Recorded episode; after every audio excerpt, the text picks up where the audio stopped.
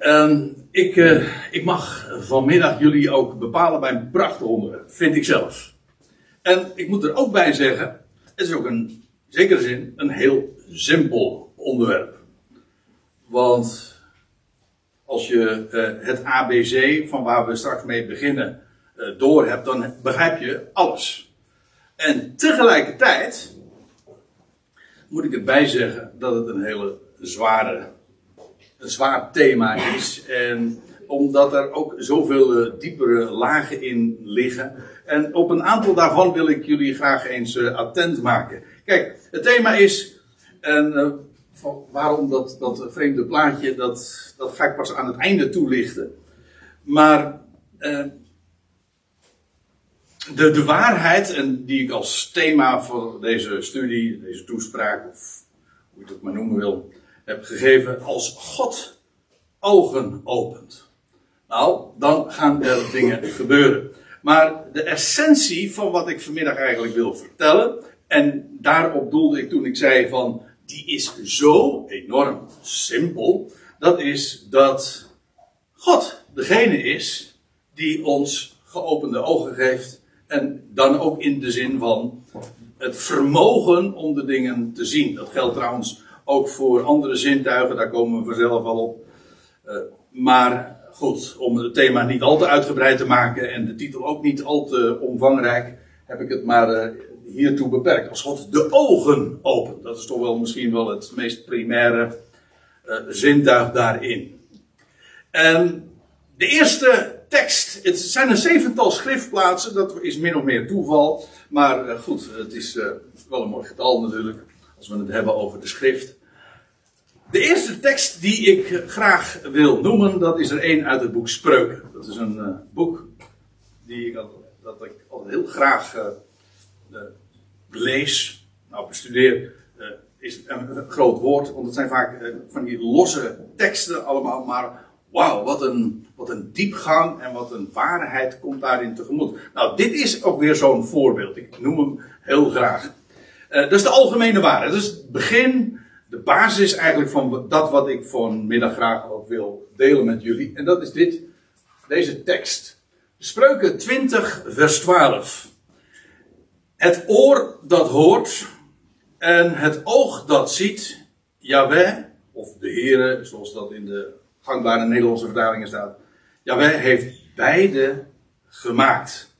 En ja, dat, dat is een, een vanzelfsprekendheid. Ik bedoel, we weten allemaal een mens, dat een mens kan zien, dat een mens kan horen. En nou ja, welke zintuigen je er nog meer bij wil betrekken, laten we het even daartoe beperken.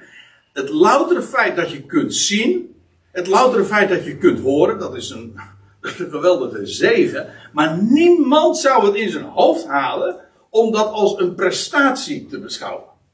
Toch?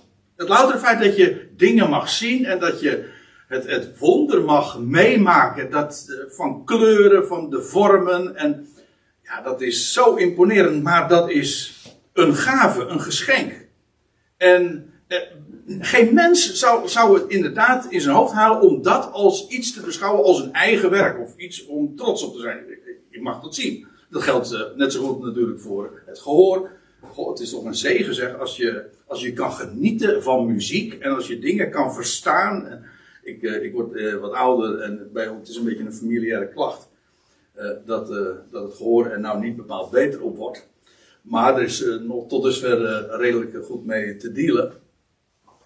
maar in ieder geval, je wordt er dan trouwens wel bij bepaald. Hoe, dat, zo werkt dat vaak. Je, juist door contrast, juist door het ontbreken van iets, word je je van bewust van hoe geweldig het is als je het wel hebt.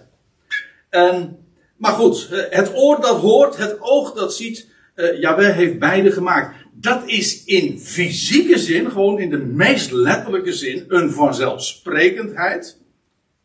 Dat wil zeggen dat het geen eigen prestatie is. Oké, de meeste mensen die zullen dat niet aan God toeschrijven, maar die denken dat dat, dat gewoon uh, het, uh, het gevolg is van een heel lang evolutionair proces. En, een bizar idee, daar ga ik het verder nu niet over hebben als u mij vraagt. Maar ik bedoel, het is een regelrecht godswonder dat je dat vermogen hebt.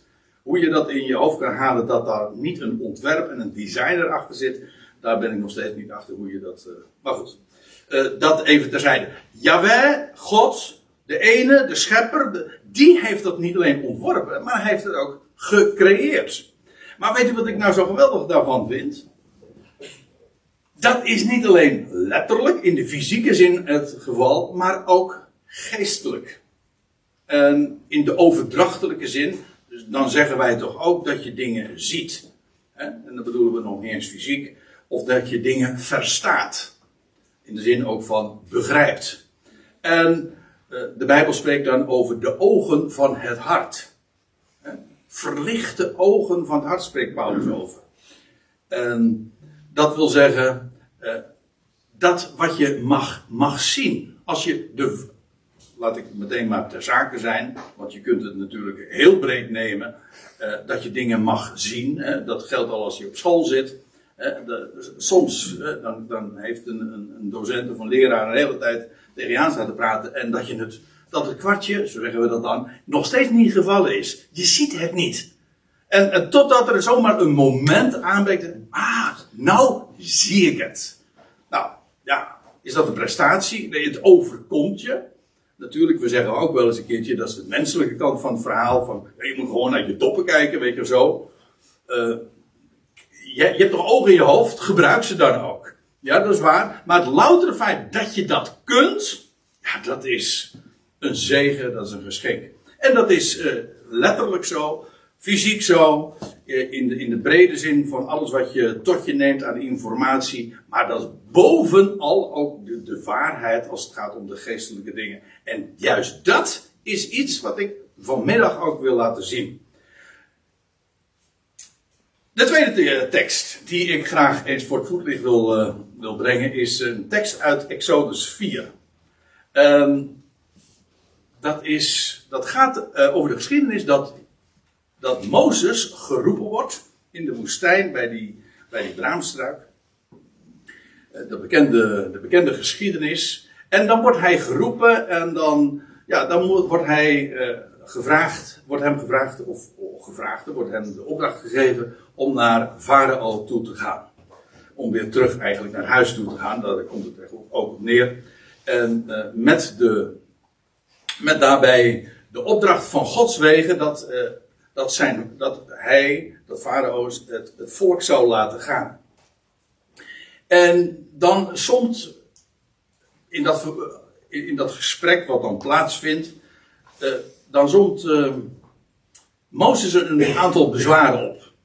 En de bekendste is deze dat hij zegt van ja, ik ben eigenlijk helemaal niet geschikt om, om naar Farao toe te gaan, want ik ben, uh, ik ben zwaar van tong. Zo zegt hij dat dan.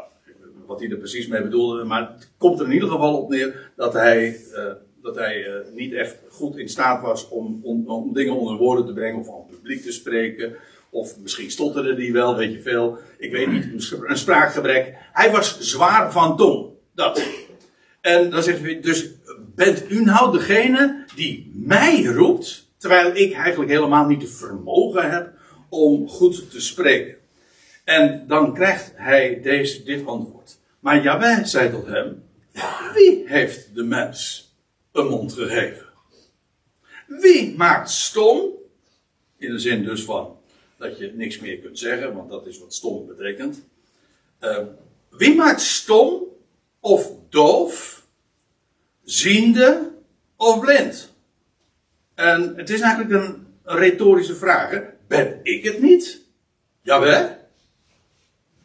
En wat je hier ziet, is dat uh, niet alleen maar het vermogen om, om te kunnen zien van God komt, maar ook dat je niet kunt zien. Want er wordt hier ook gezegd van wie maakt stom of doof. Dat zijn, dat zijn uh, bijbelse voorbeelden van hier. Van, van wie maakt stom. Daar kennen we natuurlijk allemaal het voorbeeld van. Nou, Zacharias, ja. Uh, die werd inderdaad uh, gedurende een, een x-tijd werd hij stom. Hij kon niet meer praten. En wie was dat die dat heeft? Ja, dat is er maar één.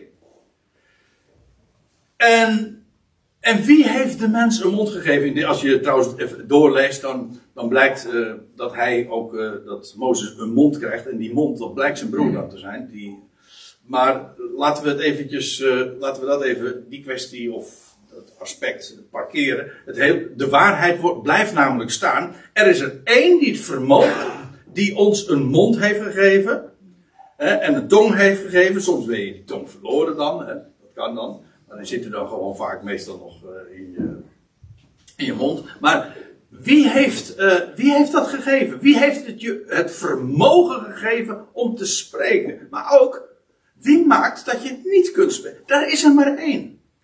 De waarheid die hierin naar voren komt is, er is er één die onze creator is. En als je mag zien, dan is dat omdat hij jou ziende heeft gemaakt. En als je doof bent, dan is dat omdat hij jou doof heeft gemaakt. Zo staat het. Wie maakt stom? Wie maakt doof?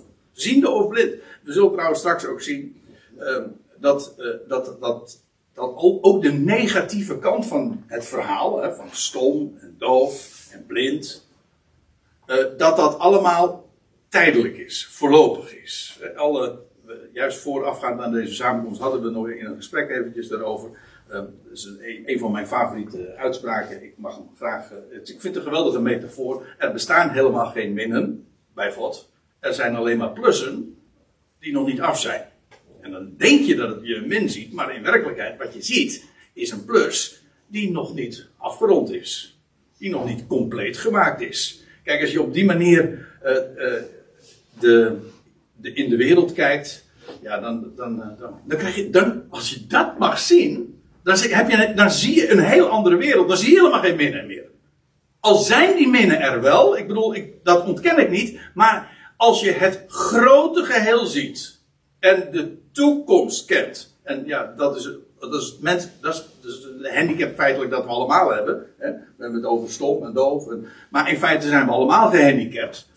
Bijvoorbeeld omdat we creatuur zijn en niet van onszelf het vermogen hebben om de toekomst te zien. Zelfs op, op korte termijn niet eens. Laat staan op langere termijn. Voor zover we die dingen kennen, dan is dat omdat ons het een en ander is meegedeeld en dat je daarvan uitgaat.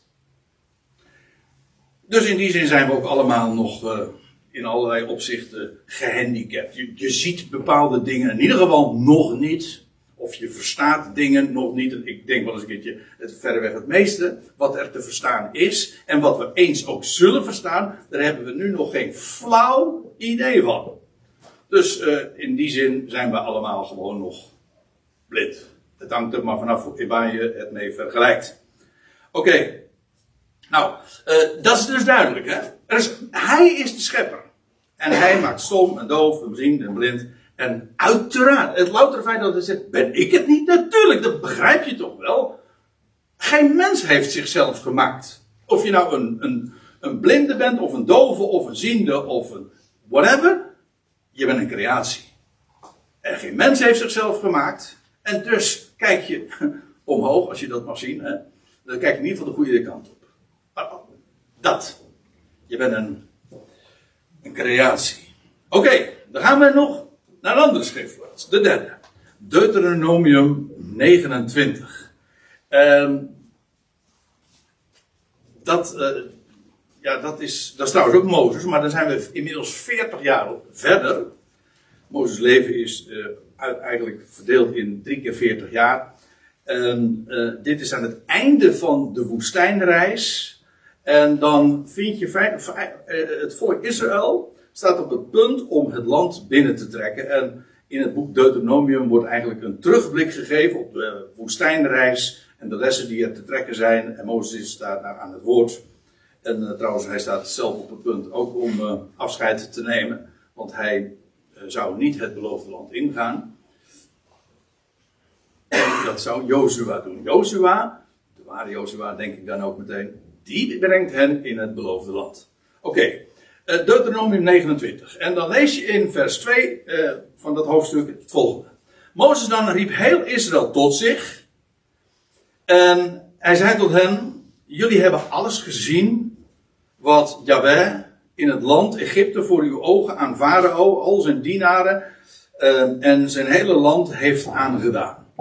En ja, in feite refereert hij nu aan dingen die al 40 jaar eerder hadden plaatsgevonden. Want ja, zij stonden nu aan het punt, op het punt om het land binnen te trekken. Maar dat ze, uh, die uittocht uit Egypte vond 40 jaar eerder plaats. En, en, en, hij spreekt hen eigenlijk al als natie ook aan. Want de meesten hadden dat niet eens meer uh, zelf meegemaakt. Oké. Maar dan toch, als jullie hebben dat als volk dan toch allemaal met eigen ogen gezien. En de grote beproevingen die jullie met eigen ogen hebben gezien, die grote tekenen en wonderen. En bedenken, ik denk dan in, eh, in de eerste plaats natuurlijk aan, die, aan de, de tien plagen die over Egypte hebben, eh, die over Egypte zijn gegaan. En over de wonderlijke uitreddingen van God, maar ook over de wijze waarop hen, hij hen door de Rode Zee heeft gebracht. Maar ook alles wat er daarna heeft plaatsgevonden. En nou vind je, en dan staat er dit. Ik weet niet of het u ooit is opgevallen, of een van jullie is wel, er wel eens echt gezien heeft. Kijk, met de Bijbellezen gaat het ook zo. Zijn we meest vaak, dus mijn, mijn eigen ervaring ook, ben je blind. Je leest wel iets, maar je leest straal over dingen heen. Hè? Echt. Het, uh, er zijn dingen die ik al honderd keer gelezen heb. Ik spreek nu gewoon over dingen die ik uh, inmiddels ontdekt heb. En die ik al honderd keer bij wijze van spreken, of misschien wel meer, uh, daarvoor al had gelezen. En hoe heeft het mij ooit kunnen ontgaan dat ik dat niet zag? Het staat er toch? Ja, maar je ogen moeten ervoor open gaan. Nou oké. En dan staat er dit in Deuteronomium 29 vers 4. Uh, een iets wat heel opmerkelijk is. Maar Yahweh heeft jullie geen hart gegeven om te verstaan. Of ogen om te zien, of oren om te horen, tot op de huidige dag. Ik, ik ga ervan uit, dat ik hoef dat nu verder niet zo toe te lichten, want het doet niet zo heel veel voor dit verhaal ter zake. Maar ik denk dat op het moment dat ze het land daadwerkelijk zouden ingaan, toen pas hebben ze het wel gezien. Maar op het moment dat Mozes dit dus aan zijn volk meedeelt, zegt hij, tot op de huidige dag hebben jullie geen ogen om te zien en oren om dat te horen. Ze hebben het met eigen ogen gezien en gehoord. Ooit, 40 jaar geleden. En toch hebben ze het niet verstaan. Maar waar ik nu vooral op wijs, is zijn die eerste twee regels in, op, deze, op deze dia. Maar Jawel heeft jullie geen hart gegeven om te verstaan. Er staat niet, er staat niet van, uh, maar jullie, jullie, hebben, jullie hebben het niet willen verstaan. Ik zeg niet eens dat het onwaar is. Ik zeg alleen, dat staat er niet. Er staat, God gaf jullie geen hart om te verstaan. En dat niet alleen. Ook geen ogen om te zien of oren om te horen. Dit zijn lastige, kijk, ja, dit zijn lastige dingen. Want uh, waar ik mee begon, van, ja, uh, als het gaat om het fysieke, de fysieke kant van het verhaal, begrijpen we allemaal van, ja, het, het louter feit dat je dingen mag zien en mag horen en mag dingen mag verstaan, natuurlijk, dat is een, geschenk, dat is een zegen. Dat is geen prestatie, geen eigen werk waar je je op kunt beroemen. Dat zeggen we, je zegt niet tegen een blind van, dat je dat niet ziet, zeg. Dat, dat zou hoogmoed zijn, maar het zou ook zou stupide zijn. Om dat te denken. Wees blij dat je jezelf mag zien. In, plaats van het in de, de verwijtende sfeer te zien. Maar het is toch ook geen prestatie. Het is, dat is een, krankzinnig idee. Maar nu, de, de, geestelijke kant van het verhaal. Dat, dat God nu, middels, uh, bij monden van Mozes, tegen, tegen het volk zegt: Ja, ik heb jullie geen hart gegeven om het. Uh, om het te verstaan, of ogen om het te zien en oren om het te horen. Ik heb jullie dat gewoon niet gegeven. En uh, zeker voor de mensen die, uh, ja, je evangelisch bent, hè, dan ben je, ben je erg geporteerd voor een eigen wil en voor een eigen keuze. En, nou, uh, met, dat, met die gedachtegang is dit eigenlijk niet te verhapstukken. Nee, God moet jou ogen daarvoor openen. En, en, nu, na, na 40 jaren, wordt er gezegd: van ja, jullie hebben geen, van Gods wegen geen ogen gekregen om het te zien. Al die 40 jaren. Trouwens, deze tekst wordt aangehaald in Romeinen 11, ik kom er straks op terug. 40 jaar liet ik u door de woestijn trekken. De ge- ja, dat is ook eigenaardig wat er dan nog bij staat. Eh, de gewaden die jullie droegen zijn niet versleten, evenmin als de schoenen aan jullie voeten. Moet je je voorstellen dat je zo lang met je schoenen doet. Nee, ik ga niet mevrouw eh, nu aanspreken.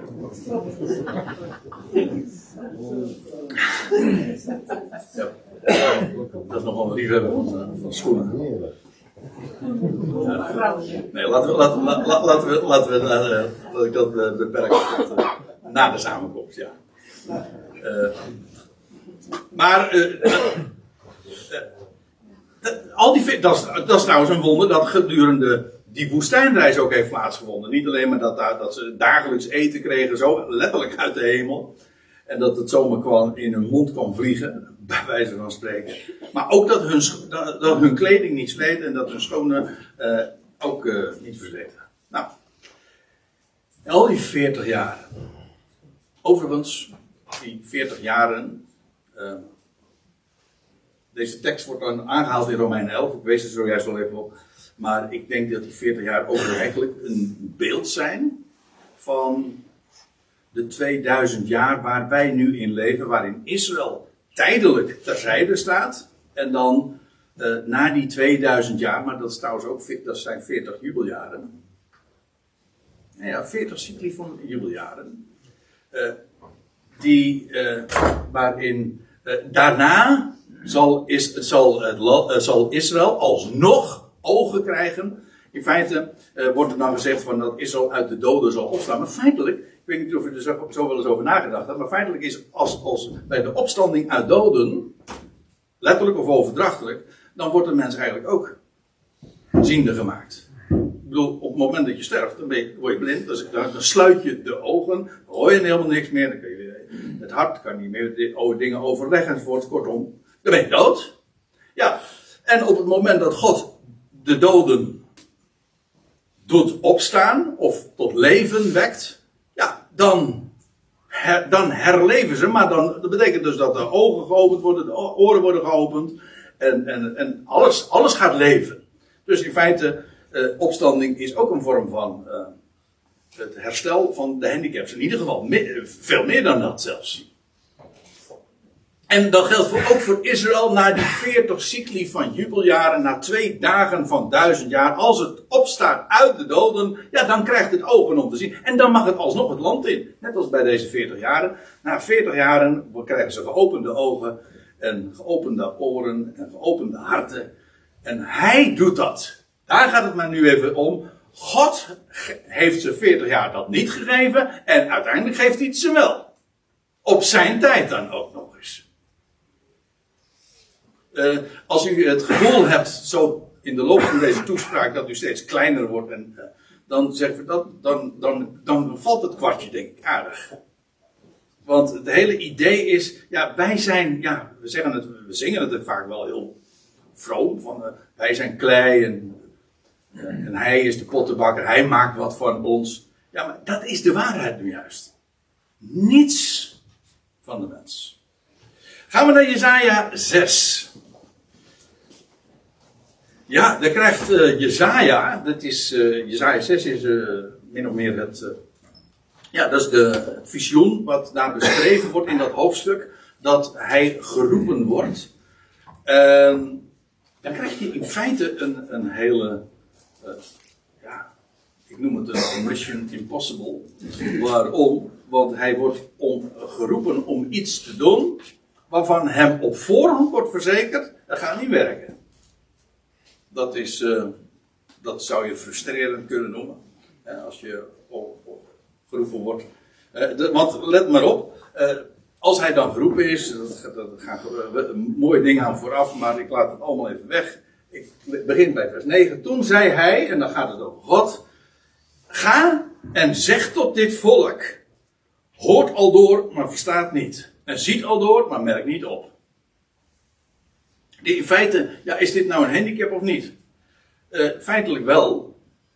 Hè, want je kunt, je kunt dus. Je kunt dus dingen zien en het niet verstaan. En, en weliswaar eh, horen, maar niet opmerken. Dat is waar het hier over gaat. En En, nu moet Jezaja dus naar zijn volk toe gaan. En hij zegt, ga, zeg dat nou maar tegen ze. In feite, het is een beetje vergelijkbaar met wat je leest over wat Mozes te doen kreeg in Exodus 4, als hij geroepen wordt. Weet je, want, want dan wordt hij geroepen om naar het huis van, van Farao toe te gaan. Ja, maar hij krijgt op voorhand al te horen dat uh, als hij naar Farao toe zal gaan, hij zegt, maar Farao zal, ik, zal niet luisteren en ik ga zijn hart verharden. Op het moment dat hij dreigt te bezwijken onder de druk van de plagen, dan lees je van, en God ging zijn hart verharden. Met andere woorden, uh, dat, is, dat was namelijk de bedoeling. En dan, nou, nou kom je op het moment dat je zulke dingen opmerkt, en, en ja, het staat gewoon zwart op wit in de schrift, uh, dan, dan kom je bij de vraag van, ja, maar als dat zo is, wat heeft hij dan nog aan te merken? Hè? Want, want God heeft, God had gezegd, ik ga Farao's hart verharden. En zo moest het ook gaan. Dus ja, dan krijg je het, het verschil. In Romeinen 9 wordt het uitgebreid uitgelegd. Ook daar hadden we het uh, met Dirk Jan. Ja. Oh, daar.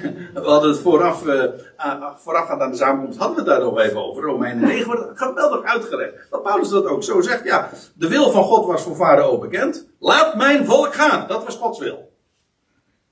Was het ook de bedoeling dat hij dat deed? Nee, dat niet. Nee, het was, de bedoeling, het was de bedoeling dat hij nee zou zeggen. Waarom? Want, God heeft daar dan weer een bedoeling mee. Want er staat ervan, opdat ik door hem, juist door een onwillige tegenstander, een geweldige kracht, dat was de machtigste man ter wereld in die dagen. En juist door een zo'n nee zeggen, eh, zou God zijn kracht betonen. Kortom, alles heeft een bedoeling. God heeft alles gemaakt voor zijn doel, zelfs de goddeloze voor de dag van het kwaad. Staat ook in spreuken. Ja. Nou, hoe dan ook. Uh, dat tegen Jezaja wordt gezegd: ga, ga, ga maar naar het volk en zeg dat nou maar. Um, hoort, maar verstaat niet. Ziet, maar merkt niet op. Maak het hart van dit volk vet. Maak zijn oren doof. En eigenlijk, dat, dat, uh, ik heb daarover nagedacht wat, wat dat zou betekenen. Maar eigenlijk het idee is, eigenlijk wel heel voor de hand liggend. Hij spreekt tot dit volk. Hij gaat zo tot het volk spreken.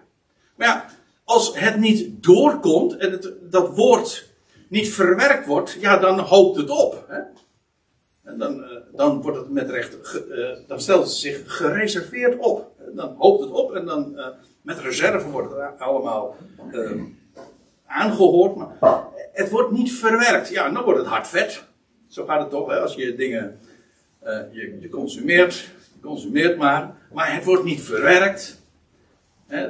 In energie omgezet, ja, dan, dan word je vet. Ja, nou, dan wou, ik, dan wou ik het maar bij laten, ja.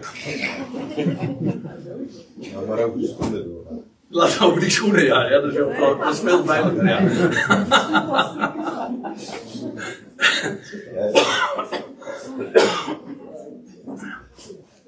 Ja, maar het, het, idee is van, spreek nou tot dit volk. Uh, maar juist daardoor zal het alleen maar onwilliger worden. Maak zijn oren doof en, en doe zijn ogen dichtkleven, opdat het, opdat het met zijn ogen niet zie en met zijn oren niet horen en opdat zijn hart niet verstaat. Die, die worden altijd aan elkaar gekoppeld. Ze, ze zien het niet, ze horen het ook niet, ze merken het in de zin van ze merken het niet op. Laat staan dat het hart het vervolgens ook daadwerkelijk begrijpt en verstaat en, en, en zich eh, realiseert wat de betekenis ervan is zodat het zich niet bekeren en genezen worden. Ik weet, dit zijn van die teksten die uh, meestal en, uh, bij voorkeur dan worden overgeslagen of, of ze worden weggemoffeld.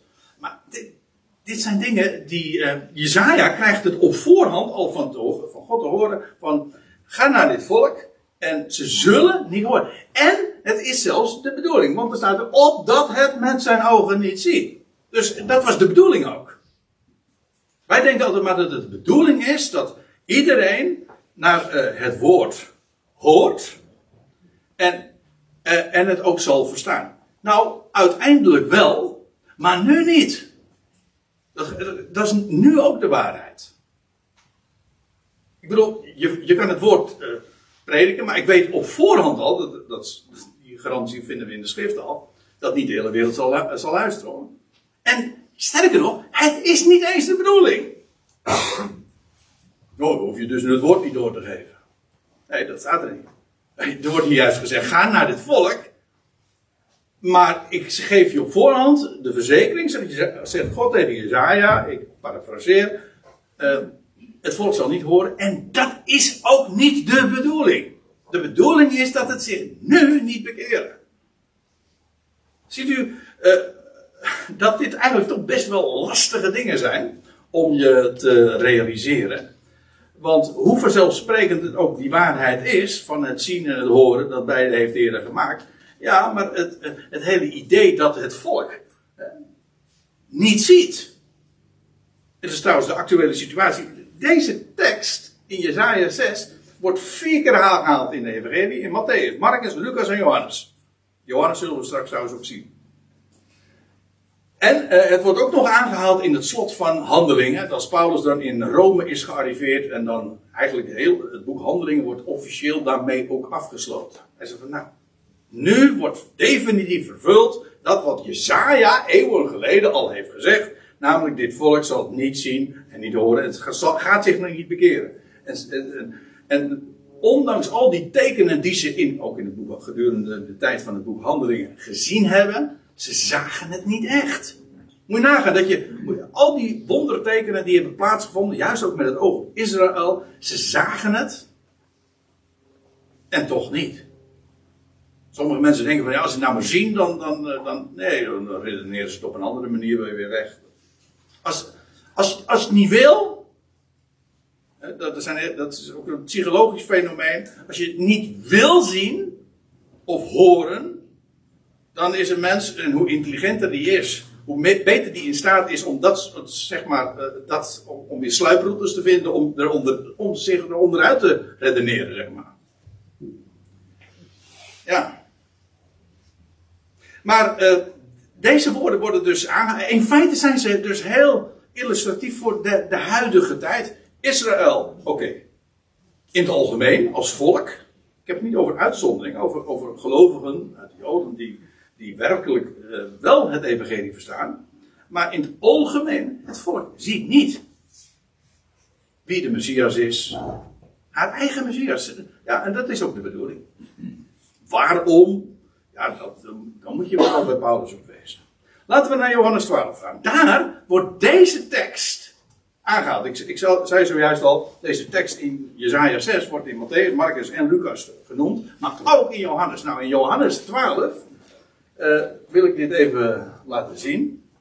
En dan lees je, dit is ongeveer aan het einde van Jezus' bediening hier op aarde, vlak voorafgaand aan zijn, eh, aan zijn, aan, de, aan zijn overlevering. En dan staat erbij, en zo zegt, zo tekent Johannes dat dan op.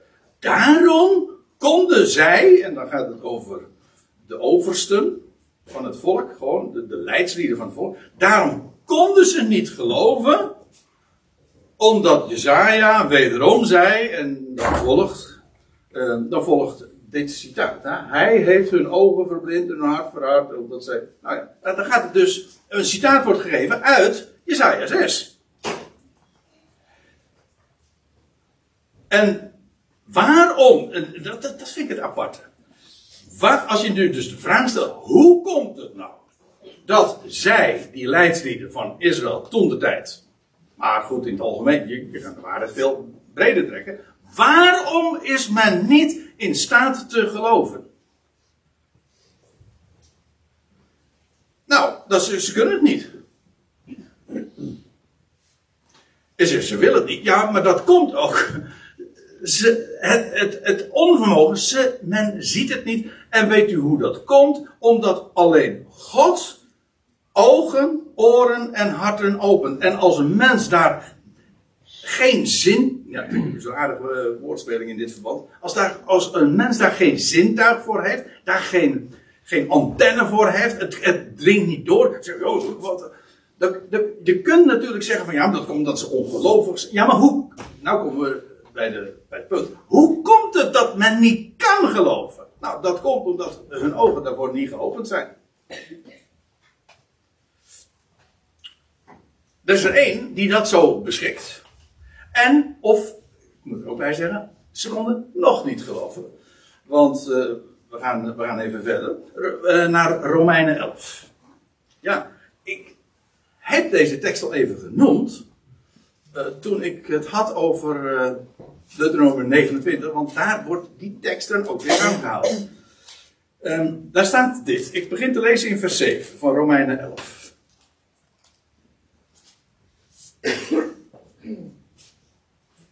Dit is natuurlijk midden in het betoog van Paulus. Eigenlijk heeft hij het in deze hoofdstukken 9, 10 en 11 over het huidige ongeloof. En Paulus heeft daar natuurlijk als Jood zijnde ook enorm mee geworsteld.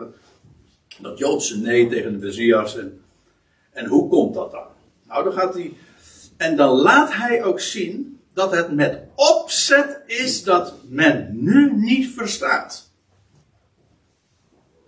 En dan zegt hij, uh, ik, ik lees voor. Wat dan?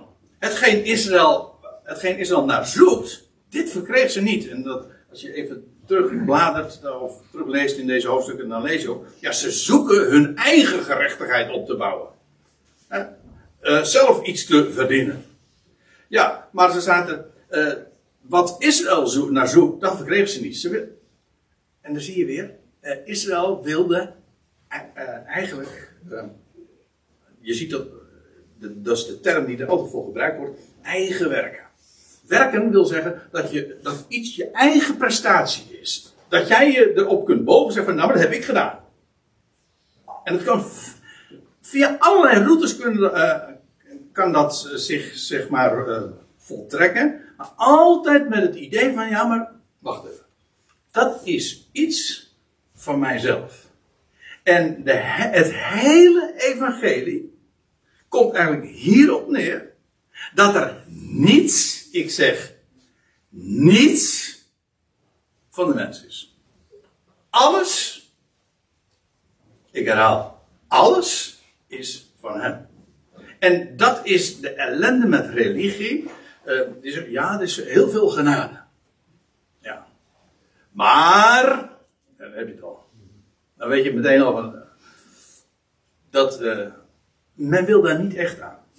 Er is altijd toch weer iets. Hier ook Israël zoekt. Is er, is, Paulus zegt: Ik getuig van hen dat ze ijver voor God hebben. Hij zegt maar zonder verstand. Zonder werkelijk besef waar het om gaat. Hij zegt er ook bij: Het uitverkoren deel, dat is nu. Uh, verkreeg het. En de overige werden verhard. Heb je het weer? Dit is. Uh, dat is passief, hè? Je wordt verhard. En uh, Paulus stelt het gewoon vast. En uh, het woord is wel tot ze gekomen van de opgewekte Messias. Paulus is er zelf actief in geweest, zeer actief. Hij zegt, uh, maar dat is een uitverkoren deel. Heeft verkregen, heb je weer zoiets, uitverkiezing. Is dat een Bijbelse waarheid? Jazeker. Maar dat is ook weer zoiets. Kijk, de, de uitverkoren, dat zijn zij die weten niets van de mens. God kiest uit, hè? Dat doet niet de mens. God kiest uit. En ik weet het, dan moet ik er wel even bij zeggen, want uh, die, dat hele begrip verkiezing, zeker als in ons lieve vaderland natuurlijk, speelt dat uh, in, zeker in de Calvinistische wereld een hele grote rol hè, van uh, de uitverkiezing. Maar weet u wat men daar van uitverkiezing gemaakt heeft? Dan is. ja, je bent uitverkoren en dan, dan, dan, dan zit je goed. God heeft een, heeft een deel, een klein deel, meestal zegt men een heel klein deel, heeft uitverkoren. En degenen die uitverkoren zijn, die komen in de hemel, daar, daar, die worden gered. En de rest die gaat verloren en wordt, komt nooit meer goed. Nou, dat, dat is in de Bijbel nooit uitverkiezing. Uitverkiezing heeft altijd te maken met een functie. God kiest je uit voor een bepaald doeleinde. En altijd om een zegen. God koos Abraham uit. Niet omdat de rest van de wereld hem niet interesseerde. Nee, God koos Abraham uit. Opdat via hem de hele wereld gezegend zou worden. Dus uitverkiezing is nooit ten koste van de rest. Integendeel, uitverkiezing is juist ten gunste van de rest. Maar, niettemin, uitverkiezing is exclusief. In die zin, eh, de een wel en de ander niet. Maar het is niet iets, geen prestatie. Het feit dat God, moet je maar eens Joden vragen, hè? die zeggen, ja, wij, zijn het, eh, of het volk van Israël, wij zijn het uitverkoren volk. Is dat, uh, zo, is dat mooi? Nou, dan hangt het vanaf hoe je het bekijkt. Het is een voorrecht als, als, als je een kanaal van zegen mag zijn, maar het is ook een enorme last.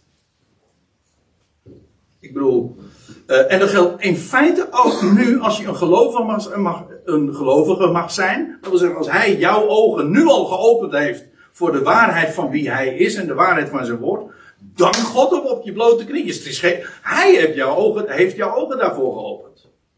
Is dat een zegen? Nou, ik denk het wel. Een geweldige zegen. Is het alleen maar leuk? Nee, niet. Want uh, de, je bent een eenling. Je bent in, in, de, in, sommige gevallen zelfs gewoon de dorpsgek. En, is en ja, ik bedoel, als jij iets ziet en de rest ziet het niet, dan ben jij in de, in de ogen van hen, ben je gewoon, nou, die is van lotje gestikt. Een dwaas. Is dat leuk? Ja, nou ja, dat hangt er vanaf. Dat hangt ook een beetje van je persoonlijkheid af. Als je graag mee wil gaan met de groep en niet wil opvallen, dan is dat niet leuk. Als je sowieso een beetje een eigenheimer bent, dan is daar goed mee te leven. Nou ja, hè? Maar ja, ik bedoel, God kiest uit. En dat, daar heb je. Daar, en, en, Paulus zegt ook: eh, tevoren uit, voor de nederwerping van de wereld. Eh, uitgekozen. Zo. Ja. En, maar weet, ja, het, het, het, geweldige van het Evangelie is natuurlijk: God houdt van deze wereld en hij heeft elk mens lief. En hij is ook de redder van alle mensen, maar ieder in zijn eigen rangorde. En die uitverkorenen, dat zijn die eerstelingen. Dat zijn degenen die hij uitkiest om de rest te bereiken. En waar hij een doel mee heeft. Ja, uh, dat is uitverkiezing. Oké, het uitverkorene, uh, laat ik even verder lezen. Het uitverkorene verkregen, de overige rechten werden verhard. Zoals het is geschreven, en nou citeert hij een combinatie eigenlijk uit Deuteronomium 29 en Jezaja 29. Zoals het is geschreven, God heeft aan hen gegeven een geest van verdoving. Aan hen, Israël gaat het hier ook weer over. Joodse, Joodse volk. God heeft aan hen gegeven. Ah, hij heeft hen gegeven. Uh, let op. Een geest van verdoving. Dat is ook een gift dus, hè? Een geest van verdoving. En wat betekent verdoving? Nou, dat je gewoon, dat je doof bent. Dat is verdoving. En dat betekent dat er, komen geen prikkels meer tot je. Of in ieder geval, je reageert, die komen wel tot je, maar je reageert er niet meer op. Nou, dat is, dan ben je, ben je verdoofd. En de ergste vorm van verdoving is feit de dood. Dan reageer je namelijk nergens meer op. Een geest van verdoving, ogen die niet zien en oren die niet horen, tot de dag van vandaag. En dat, uh, ja, dat stond zo exact uh, in Deuteronomium 29. Daarom kon het, volk ook niet ingaan in het land. Tot de dag van vandaag. In feite, wat Paulus hier schreef in Romeinen, uh, Romeinen 11, pakweg in, nou ja, in het jaar, wat is het, ergens in die 50 jaren van de eerste eeuw. Dat is nu nog steeds zo. Nou ja, wij zitten nu aan het einde van die, van die periode. Maar nog steeds is het zo dat het volk verdoofd is. Ze zien hun eigen Messias niet eens. Hoe komt dat? Is het volk niet intelligent genoeg of zo? Nou, ik dacht het niet ze hebben juist de reputatie ongeveer het meest intelligente volk te zijn. En toch zien ze dat niet. Ja, hoe komt dat? Nou, God heeft hen gegeven een geest van verdoving, ogen die niet zien en oren die niet horen. Tot de dag van vandaag. En als je nou denkt, dat zegt Paulus in hetzelfde hoofdstuk, als je nou denkt van uh, dat dat een reden is om je te verheffen, zeg van nou, wees niet hoogmoedig hoor. Want God heeft dat gedaan hij zegt, hij zegt dat in Romein, ja, datzelfde Romeinen 11. Dan zegt hij ook van, ja, ze zijn geliefden om de Vader wil. En ze zijn vijanden van het evangelie om uwentwil. Want God gaat expres nu een omweg. Want hij ja, hij had nog handen. En daarom maakt hij nu, maakt de geschiedenis een soort van U-bocht, zeg maar. Via de natie. Nou, dat is dat geheim van Paulus.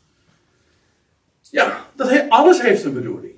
Dus Weet u wat ik het geweldige van deze waarheid vind? Dat is dat er, aan de ene kant, het is een zegen als je ziet dat het gewoon pure genade is als je dingen mag dat je dat eh, mag zien en omdat hij je ogen en oren gehoord heeft. En tegelijkertijd, het geeft zo'n rust als je weet dat God op zijn tijd ook de ogen en de oren van die anderen gaat openen. Op zijn tijd. Ik weet het, het is soms ongeduld. Waarom nou niet? Waarom zien ze het niet? En dan kun je in hun oren gaan tetteren. Of je, je, zou, je zou ze zeggen, eh, zeggen wel, ik zou ze het wel zeggen, ik zou het er wel heel in willen stampen. Ja, maar zo werkt het dus niet. Op Gods tijd gaat het kwartje vallen. Na de 40 jubeljaren, om zo te zeggen. Dan, dan is de termijn op, dan is de termijn verstreken.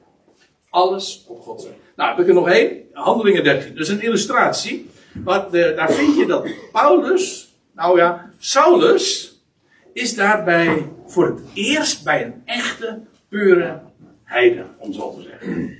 Ik bedoel, Cornelius in Handelingen 10, dat was nog een, een, een vreemdeling binnen de poorten. Maar hier is hij bij een ene Sergius Paulus. Heel eigenaar. De naam Paulus komt voor het eerst in de Bijbel voor in Handelingen 13. En wie kreeg dan die naam? Nou, dat was een stadhouder, een, een eh, Romeinse stadhouder, Sergius Paulus. En die Sergius Paulus, die was heel benieuwd naar wat Paulus, of nee, wat Saulus te vertellen had. Saulus en Barnabas. En dan lees je die geschiedenis, er was een Bar Jezus, of zijn naam in het Grieks is Elimas, was dat, dat was een Joodse tovenaar. En die probeerde die Sergius Paulus afkerig te maken, want die, die, die, die, die stadhouder die was heel benieuwd naar wat, wat Saulus te melden had. En daar komt die Joodse tovenaar die daar in die kring ook vertoefde. En die probeerde die Sergius Paulus afkerig te maken. En dat gaat clashen. Nou, met recht hoor, want dan lees je dit. Saulus, anders gezegd Paulus, heel de geschiedenis die hieraan voorafgaat, is het consequent altijd Saulus, Saulus, Saulus, Saulus van Tarsus. En het wordt anders op het moment dat Saulus bij die Sergius Paulus is. Dan verandert zijn naam, maar dan ook consequent, vanaf dat moment wordt hij altijd Paulus genoemd. Dus ineens, Saulus, anders gezegd Paulus, vervuld van de Heilige Geest, keek hem, dat is die Elimas, die Joodse tovenaar, uh, scherp aan. En, en dan maakt hij een hele mooie compliment aan hem. Die zegt, dan zegt hij dit. Hij zei, o duivelszoon, diabolos, van de diabolos. Door elkaar gooien. Dat is wat de diabolos is. Duivel. Vol van alle bedrog en van alle zwendel. Daar is ongetwijfeld veel meer aan vooraf gegaan in deze geschiedenis die Elimas, die, die, die, dat was een tovenaar. Dus die was vol met trucjes, ook met redeneertrucken. En hij probeerde die Sergius Paulus op een ander spoor te brengen. Maar, en, en dan krijgt hij dus dit te verstaan. Vol van alle bedrog en van alle zwendel, vijand van alle rechtvaardigheid. Zul je niet ophouden te verdraaien de rechte wegen van de Heer? Nou, dat wordt hier een vraag, maar eigenlijk het antwoord is ja. Vanaf hier gaat hij ophouden. Maar dan heb ik nog iets. Die is echt leuk. Vind ik mooi. Uh, en namelijk, hier staat in het Grieks, hier staat ophouden. Dat is een Grieks woord. Daar staat het, het Griekse woordje pauze. Ons woord pauze. Pauze betekent stoppen, stoppen, ophouden. En ja, weer, dat is afgeleid namelijk van het Griekse werkwoord uh, van, van pauw en dat is stoppen. Ja, dus in feite wat er gebeurt is Elimas, Joodse tovenaar, die bij wie het woord niet geland was en die de heidenen, of in dit geval die heiden Sergius Paulus afkerig wilde maken, die wordt door Paulus gepauzeerd. Hij, hij wordt gestopt. En vanaf dit moment wordt Saulus Paulus. Paulus is dus degene die die Elimas stopt op de pauzeknop. Dat is eigenlijk wat er gebeurt. Want vanaf dit moment kan Elimas helemaal niks meer. Lees maar na. En nu, let op, de hand van de Heer is op u. Ja, ik heb het expres zo uh, weergegeven, want kijk maar. Er staat in het Grieks, er staat in de meeste vertalingen, is tegen u. En natuurlijk kun je verdedigen van dat is de gedachte ook. Ja, maar het staat letterlijk, de hand van de Heer is op u. Ik moet er gewoon aan denken wat, uh, wat, wat, er gebeurt als je dit doet. De hand voor de ogen. Dan is de hand, de hand van de Heer is op je. Je zal niks meer zien. Vind eigenlijk, er zit zelfs nog wel een mooie gedachte in van, als een, als een vader zijn kind wil, wil verrassen, dan zeg je, ja, dan blind, doet hij het kind, of dan doet hij de handen voor de ogen, en dan om het, door contrast, te verrassen. Nou, in feite is wat je hier dat ook ziet. En nu, let op, de hand van de Heer is op u, en u zal blind zijn, en de zon niet zien, tot de bestemde tijd. Um, ja, de hand, de hand van de Heer is op u. Je zal niet in staat dus zijn om, uh, en er staat er nog bij, tot de bestemde. ja. Met andere woorden, die Elimas, die wordt nu blind gemaakt. Kijk maar na, want nou moet ik even doorlezen. Want er staat vervolgens Paul erop. En terstond, niet gewoon een tijd later, nee. En terstond viel op hem een wazen mist en, duist, en duisternis. Hij zag dus helemaal niks meer. En rondgaande zocht hij begeleiders om hem bij de hand te nemen. En ineens, die hele, die man, die hele trucendoos van hem, die, ging, die was ineens gesloten. Niks kon niet meer. Hij was gepauzeerd. Tot de bestemde tijd was hij blind. Hij zag niks meer. En ja, dit is natuurlijk, dit, in feite, zo'n geschiedenis in het boek Handelingen is illustratief voor de hele waarheid die in dit boek wordt opgetekend. Hoe, inderdaad het, Joodse volk tijdelijk blind gemaakt wordt vanwege de afkerigheid van het woord. Maar ja, dat is in feite ook hetzelfde. En hoe het via die route juist bij de heidenen terechtkomt. Maar tot de bestemde tijd. Dat wil zeggen, nooit voor, het is nooit voor altijd. Maar dat geldt altijd voor Gods oordelen. Gods oordelen hebben altijd een bedoeling. Een, en ook een, een einde. Het is nou altijd correctief. Het is altijd om de dingen recht te zetten. Dus het is altijd ook weer Gods liefde. Ja. En uh, ja, ik zie dat het, uh, dat het, uh, het uur ook zo ongeveer op het einde loopt. Maar ik wil op, nog even een ander fenomeen wijzen. En dat is dat je het begrip ogen. Ook, uh, ik kom uit Aalsmeer. Mijn naam, achternaam is Piet. En dat, dat verraadt al dat ik uit uh, Aalsmeer kom. Dat is ongeveer de enige plaats waar die naam veel voorkomt. Ik kom uit de, roze, uit de rozenwereld, uit de rozenteelt. Ik heb er zelf ook lange tijd in gewerkt. En juist in de rozenteelt wordt heel, heel vaak gesproken over, over ogen. Hè? In, in andere teelten is het, zijn het knoppen. Maar in feite dat wat je ziet hier, dit is, is een oog van een rozentak. Dat is wat een knop gaat worden. Nou, de hele biologie uh, laten we even voor wat het is. Maar wat er gebeurt, is dat zo'n oog gaat, gaat ontluiken. En dat gebeurt trouwens ook door licht. Als er licht op komt, dan gaat het oog open. In feite, heel de natuur spreekt erover. Wat je nu momenteel in het voorjaar beleeft, is het licht neemt toe en alles ontluikt, maar alles op zijn tijd. Niet, niet allemaal tegelijk.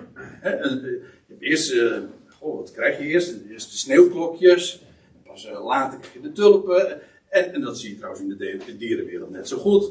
Um, dat, dat de dingen bij geboortes, in mei legt elk vogeltje een ei, niet maar. Eh, alles op Gods tijd. Ik vind dat geweldig. Maar, maar wat je ziet is, al die knoppen, of voor mij per ogen, dat is heel leuk, in het, het, het uh, Latijnse woord voor oog is oculus, of oculus is het. En uh, in, in, men spreekt kent u het woord oculeren? Dat is een soort van ente, dan ent je de, de oog op een zo'n wilde onderstam. En uh, nou, dat doe je met zo'n oog. Ik vind het zo leuk, en daarom noem ik het ook, omdat ogen en knoppen is ook een term, een biologische term. En de, het geweldige is, op het moment dat het licht gaat toenemen, ik bedoel de duistere, duistere seizoen en de dood is uh, ten einde. En dan gaat het licht doorbreken, ook de warmte daarmee. En dan alles op zijn tijd, want elk soort is weer van een andere orde, krijgt dan het licht in de ogen en gaat ontluiken. En ga nou niet zeggen dat een sneeuwklokje knapper is.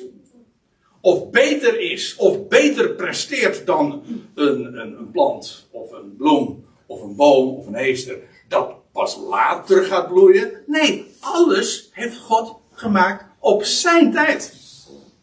En het loutere feit dat je dingen mag zien. En al nu al mag zien.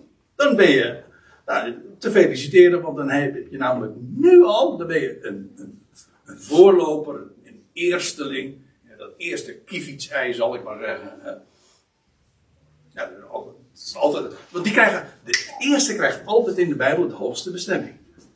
Bij ons trouwens ook. Als je de eerste bent, ja, dan krijg je de beker natuurlijk. Hè. Nou, dan kun je nog zeggen van ja, maar dat is een uh, verdienste. Uh, maar begrijpt u? Uh, het eerste krijgt de hoogste bestemming. Maar in de natuur is dat toch geen prestatie. En daar gaat het mij eigenlijk, wat ik van, ja, vanmiddag met jullie graag wilde delen, is: God opent ogen. Op zijn tijd. En als je nu al zijn, je ogen zijn geopend, dan is dat geen prestatie. Ze gaan niet zeggen van dat is mijn keuze. Want weet u wat ik dan zeg? Sorry dat ik een beetje hard ben. Dan zeg ik, dan zitten uw ogen nog dicht. Dat meen ik echt. Want dan boog je nog op prestatie en op werken. Het is God die jouw ogen opent. Als je denkt dat het eigen werk is, dan roem je nog net als Israël. Hè, dan poog je iets te zijn voor God wat je niet bent. Het is genade en genade alleen. En ja, en het geweldige is, op Gods tijd gaat hij ook de ogen openen van degenen die nu nog blind zijn. In feite, iedereen die blind is, is nog blind. Want er komt een moment dat iedereen het gaat zien. En iedereen gaat getuigen. We hebben er vanmiddag toch van gezongen. En weet u wat er dan gebeurt? Dan krijg je dit. Ik, dat, ik, zei, ik had het beloofd, hè. En wat er gebeurt als je ogen open gaat. Dit is een filmpje. Misschien heb je hem wel eens gezien. Ik kwam gisteren of vorige week of zo. Kwam ik hem op internet. Uh, uh, kwam die voorbij. Via Facebook of zo. En een filmpje van een, een, een klein kind. Dat uh, heel slechtziend is. Of nee, ja, zal slechtziend zijn. En dat dan een bril krijgt aangemeten. En wat er dan gebeurt, moet je dit zien. Ja. Lani, Lani,